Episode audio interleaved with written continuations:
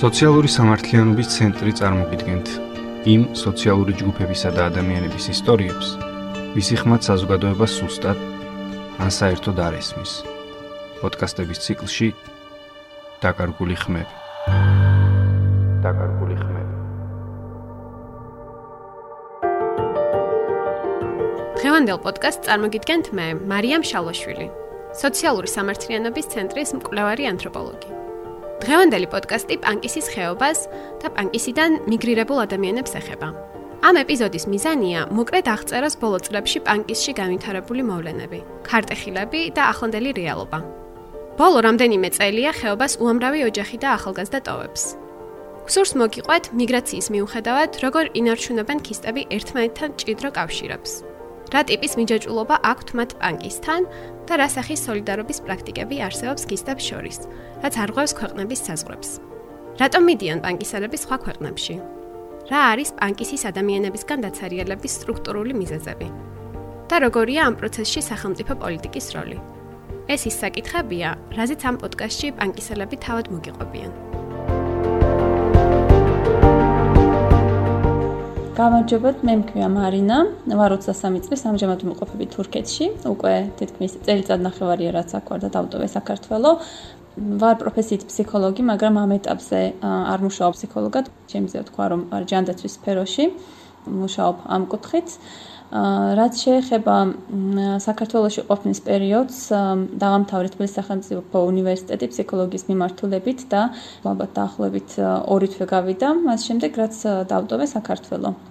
სწავლის პარალელურად ბოლო 1 წელი როცა ყოფებოდი საქართველოსში მუშაობდი სტომატოლოგიურ კლინიკაში, რომელსაც ჰქონდა ორი ფილიალი, ერთი ახმეტის მუნიციპალიტეტში, მეორე თელავში და პარალელურად ასევე ხორციელებდა სადისტრიბუციო საქმიანობასაც ევროპის სხვადასხვა ქვეყნებიდან. საკმაოდ კარგი ვარიანტი იყო ჩემთვის იქიდან გამომდინარე, რომ გეგმავდი როგორც კი სწავლას დავამთავრებდი, ესე ვთქვა, დაუბრუნდებოდი ბანკისში, არ არის ახმეტა, მithumetes იქიდან შორი და ჩვეულებრივ შევძლებდი ანუ სამსახურის გარანტირებული მქონდა. თუმცა სამწუხაროდ მე უკვე რეალობა მაინც შეიცვალა. მიუხედავად იმისა, რომ რაღაცა პერიოდი, როგორც მე ასევე სხვა სტუდენტებსაც გქონდა მაგის ილუზია, რომ დაბრუნდებით პანკისში და გვექნება რაღაცა პერსპექტივა იმისა, რომ დავსახდეთ ჩვენი პროფესიით, ან მიახლოებით მაინც იყოს რაღაცა დასაქმების საშუალება პანკისის ხეობაში, თანდათანობით ამის ილუზიაც გაქრა. ამას საკმაოდ ესე ვთქვათ, ბევრი მიზეზი აქვს, მათ შორის როგორც პოლიტიკური, ასევე ეკონომიკური და პანკისელები, რომლებიც საერთოდ არ ფიქრობდნენ, რომ დატოვებდნენ საქართველოს და მათ შორის მეც სულ სხვა რეალობის წინაშე აღმოჩნით და როგორც ხედავთ დღეს მაგალითად ვარ თურქეთში და ბევრი ჩემი სხვა მეგობარიც ასევე სხვადასხვა ქვეყნებში არიან დღესდღეობით. გამარჯობა, მე ვარ ისლამე გორგიშვილი, აა დაახლოებით 2.5 წელი არის ფინეთში ვცხოვრობ. თავდაპირველად ჩამოვედი წელიწად ნახევარი ენა ვისწავლე. ეხლა ვმუშაობ ერთ-ერთ ფირმაში და ნუ სატრანსპორტო მომსახურებები ესე ვთქვათ. საქართველოსში ვიყავი ჟურნალისტი და სამოქალაქო აქტივისტი. თელავში დავამთავრე არეკლამეორის სახურების საჯარო სკოლა.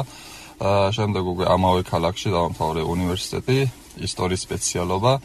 სტუდენტობის პერიოდში დავიწყე მუშაობა ერთ-ერთ ორგანიზაციაში, სამოქალაქო აქტივობების ცენტრი, რომელიც მუშაობდა პანკის ხეობაში და შემდეგ უკვე როდესაც დავაარსეთ პანკის სათემო რადიო, იც ალბათ ყველამ მუშაობდი ამ რადიოში ჟურნალისტად.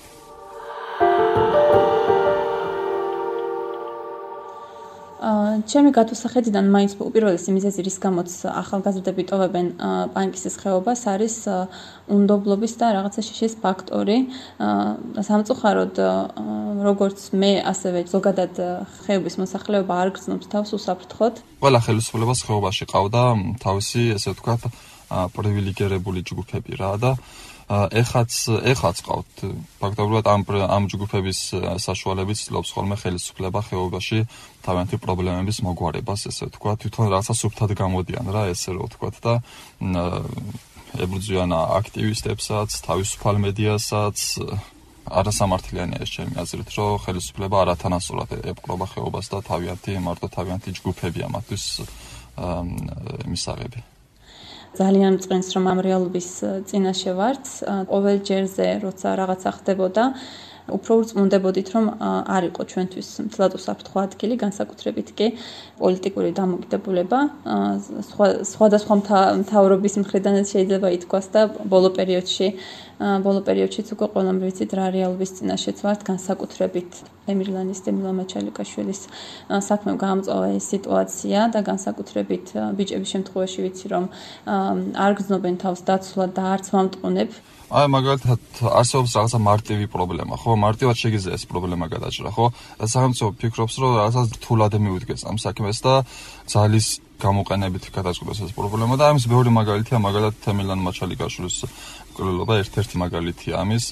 ეს ადამიანები ყოველ დღე თავისუფლად გადაადგილდებოდნენ ხეობაში, როგორც დანარჩენი ადამიანები, როგორც მე ჩოვლებრივ, ხო, თავიანთ საქმეს ყოველდღიურ საქმიანობით იყვნენ დაკავებულები და თავისუფლად შეიძლებოდა მათი აყვანა ყველანაირი რაღაცა სპეცრაზმის და სახელმწიფო ამაზე გადაწყვეტა, რომ აუცილებლად რაღაცა სპეცოპერაცია უნდა ჩაეტარებინათ და დღესაც მას როგორც დამტკიცებული არ აქვს, ხო, ბრალი, უბრალოდ დახურულია მისი საქმე და უდანაშაულო ადამიანი საკუთარ საწოლში ჩაცხრილეს და აი ხვალე მეც რაღაც ამ საფრთხის წინაშე აღმოჩნდა, ხო? ესეთი შეგრძნება არის ახალგაზრდებში განსაკუთრებით. კიდევ უფრო უკან გადაესროლა ამან ხეობა რა და ბევრი დედისგან მსმენია რომ მათ ურჩევნიათ მათ შვილებმა დატოვონ პანკისის ხეობა და იყვნენ თუნდაც იყვნენ შორს ვიდრე ყავდეთ გვერდით და ეშინოდეთ რომ ყოველდღე შეიძლება რაღაცა მოხდეს და რაღაცა დაემართოთ და ესეთი განსტი ცხოვრებას მაინც შორს ყოფნას ამჯობინებენ.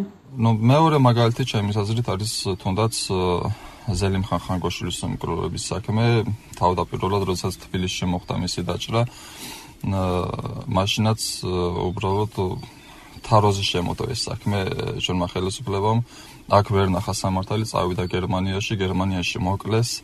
საქართველოს ხელისუფლებამ ფაქტობრივად ანუ კომენტარიც კი არ გააკეთა ამ საქმეს.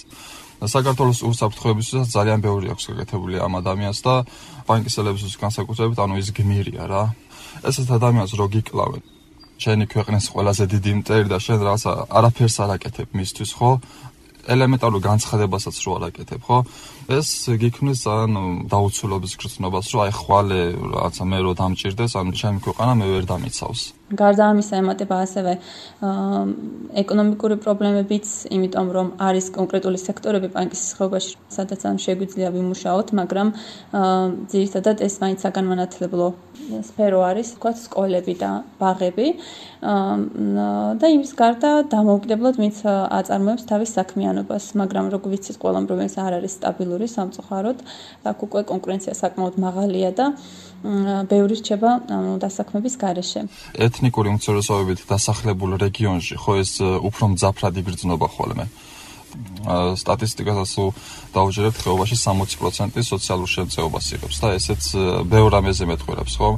იქამდე მიყავთ მოსახლეობა რომ ქვეყნის რაღაცა სრულფასოვან წევრებად ვერ გრძნობენ თავს და ერთ-ერთი მთავარი ფაქტორია ადგილობრივების მიგრაციის.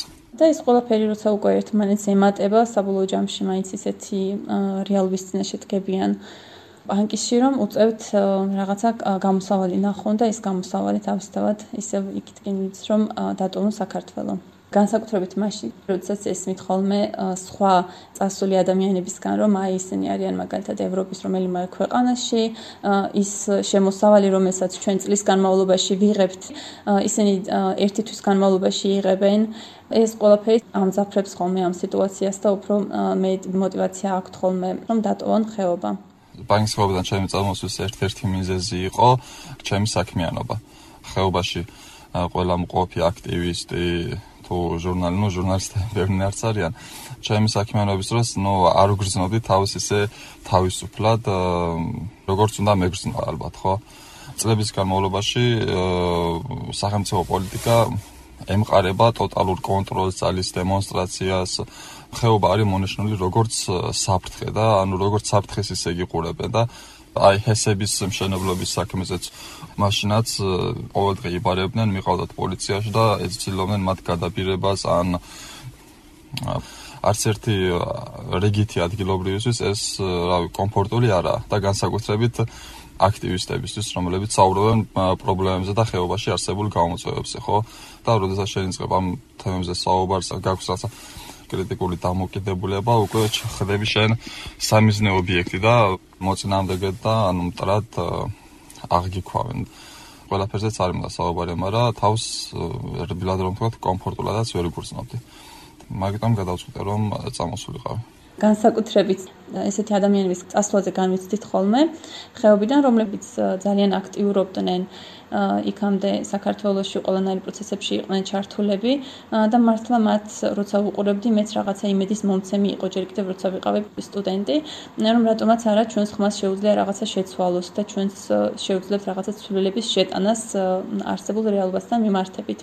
მაგრამ თანდათანობით როცა უკვე დაიწყო ამ ახალგაზრდების გადინება, ჯერ ერთი რაღაცა ერთგვარი შოკი მქონდა მე, ანუ ვერ წარმომედგინა რომ მათთან შეხება აღარ მექნებოდა, იმიტომ რომ მე საკმაოდ აქტიური ვიყავი სტუდენტობის პერიოდში და განვიხილავდით ხოლმე საკითხებს ზოგადად ბანკის ხეობასთან დაკავშირებით, მთლიანობაში საქართველოს არსებულ სიტუაციასთან დაკავშირებით და ეს მთავარი იმედის მომცემი რაღაცა ღერძი ესე ვთქვათ, გაქრა ჩემთვისაც და საკმაოდ გულდამწყვეტი იყო და ერთი მხრივ მათი კარგად მესმის, იმიტომ რომ როცა მე თვითონაც გადავწყვიტე ხეობიდან წამოსვლა, მიუხედავად იმისა, რომ მქონდა სამსახური და შემეძლო ესე ვთქვათ, მეცხოვრა და მემუშავა იქვე ახმეტის მუნიციპალიტეტში, მაინც მივხვდი, რომ ეს არ იყო ის რეალურად რაც მინდოდა. ანუ რისთვისაც ამდენი მაგალითად ვისწავლე, რისთვისაც ვიყავი ესეთი აქტი აქტიური, ჩავდე ამდენი შრომა, მე ვერ ვახერხებდი ამ ჩემ თავის ბოლომდე რეალიზაციას და ვფიქრობ, ალბათ სხვა დანარჩენ ახალგაზრდებსაც იგივე მომენტი ჰქონდათ მეტნაკლებად. და როცა უკვე ადამიანი ვეღარ გრძნობს რაღაცა პიროვნულ განვითარებას, კარიერულ წინსვლას, ამ შემთხვევაში ალბათ მიდის ხოლმე იმ გადაწყვეტილებამდე, რომ სხვაგან მოახდინოს თვით რეალიზაცია. და ცალკე იმაზე უკვე არც მაქვს საუბარი, რა ხელფასები აქვს ხოლმე ჩვენთან. ჯერ კიდევ მაშინ როცა ჩემი ძმა საზღვარგარეთ მიდიოდა სასწავლებლად 7 წლის წინ იყო ეს მეც რომ შემომთავაზა ჩემო ოჯახმა რომ უზრუნველყოფს შენს წასვლას და გადაწყვიტე მაგალითად რომელ უნივერსიტეტში გინდა ჩაბარება კატეგორიულად წინააღმდეგი ვიყავი რომ არა მე დავრჩები საქართველოსში ვისწავლი მაგალითად თბილისში დაუბრუნდები პანკისში თუ არა და ისეთ სამსახურს მაინც ვიპოვი რომ ხშირად მქონდეს შეხება პანკისის ხეობასთან და ძალიან მჯეროდა ამისი დღეს იქ ვარ, სადაც არის ჩემი ძმა. ესე ვთქვა და მაინც მომიწია ამ რეალობის წინაშე დადგომა.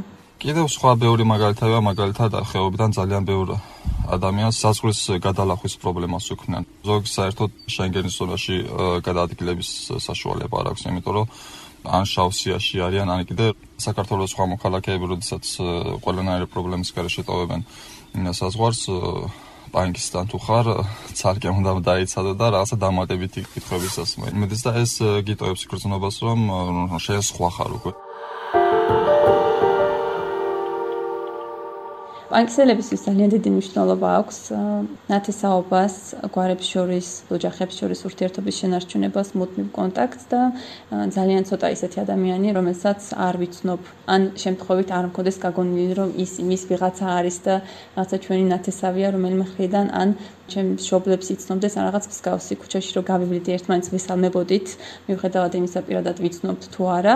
და ეს რაღაც კონტაქტი საკმაოდ ძლიერი იყო ხოლმე ჩვენ შორის, განსაკუთრებით მაშინ, რა თქმა უნდა, თუ ბანკის გარეთ იქნებოდა ეს თბილისში, ან სხვა ქალაქში, ან თუნდაც აქ თურქეთში, აქაც ცხოვრობენ ქისტები და მათთანაც მეტნაკლებად არც თუ ისე ხშირად, მაგრამ გვაქვს ხოლმე შეხება და ერთმანეთს ვცნობთ ხოლმე ქუჩაში და ეს ძალიან რაღაცა სასიამოვნო მომენტია ხოლმე თავშეს განსხვავებულად ატარებენ ქისტები და ამით განოსხვავით ხოლმე თურქებისგან.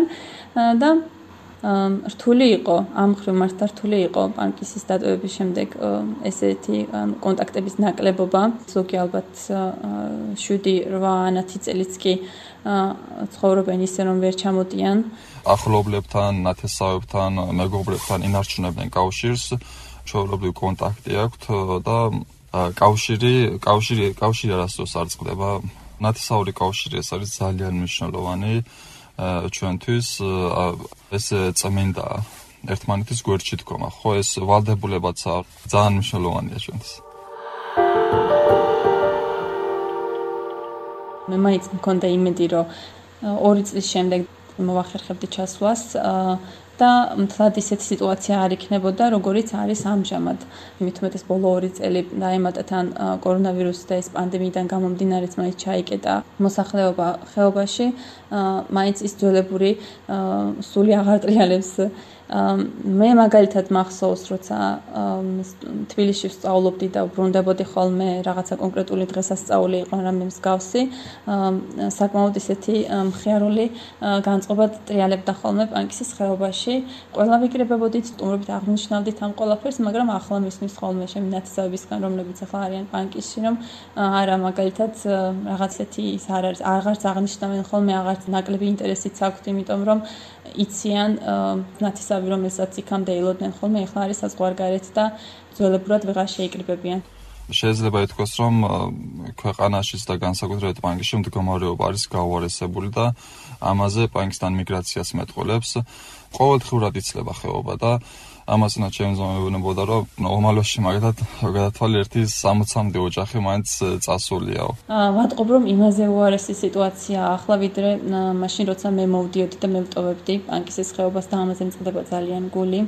ჩემი მეგობრები ვინც არიან იქ დარჩენილები ერთეულები ისინიც უკვე გეგმავენ პანკისის დატოვებას და უბრალოდ ვერც ვერაფერს ვიძახი როგორ ვუთხრა რომ აი სცადე და კიდევ გააგრძელ იქნებ რაღაცა გამოვიდეს ან მოახერხო რომ გამოხვიდა ამ სიტუაციიდან ის რომ არ წახვიდეს საზღვარგარეთ თავისთავად მათ კარგად მესმის მე თვითონაც ვარ ამის მაგალითი და ყველაზე მეტად მე რაც მოწიხებს ის არის ალბათ უიმედობა. ანუ ახალგაზრდების ხმა არის ის რა ხეობიდან რა. ან არის მის ან კიდე ძალიან ხმა დაბლა ისმის და ხელისუფლების წარმომადგენლები სადღეგრძელოების დონეზე ეძახიან ხოლმე რომ აი ახალგაზრდები გჭირდება, მათი ჩართულობა, აქტივობა არის ძალიან მნიშვნელოვანი, მაგრამ როდესაც საქმე საქმეზე მიდიკება, ხო უკვე ისინი ანუ სამიზნე ობიექტები ხდებიან ფაქტობრივად და ეს ფიქრობ, რომ რა ვიცი, ჩემთვის ეს შემაშფოთებელია და იმედია რომ გამოსწორდება.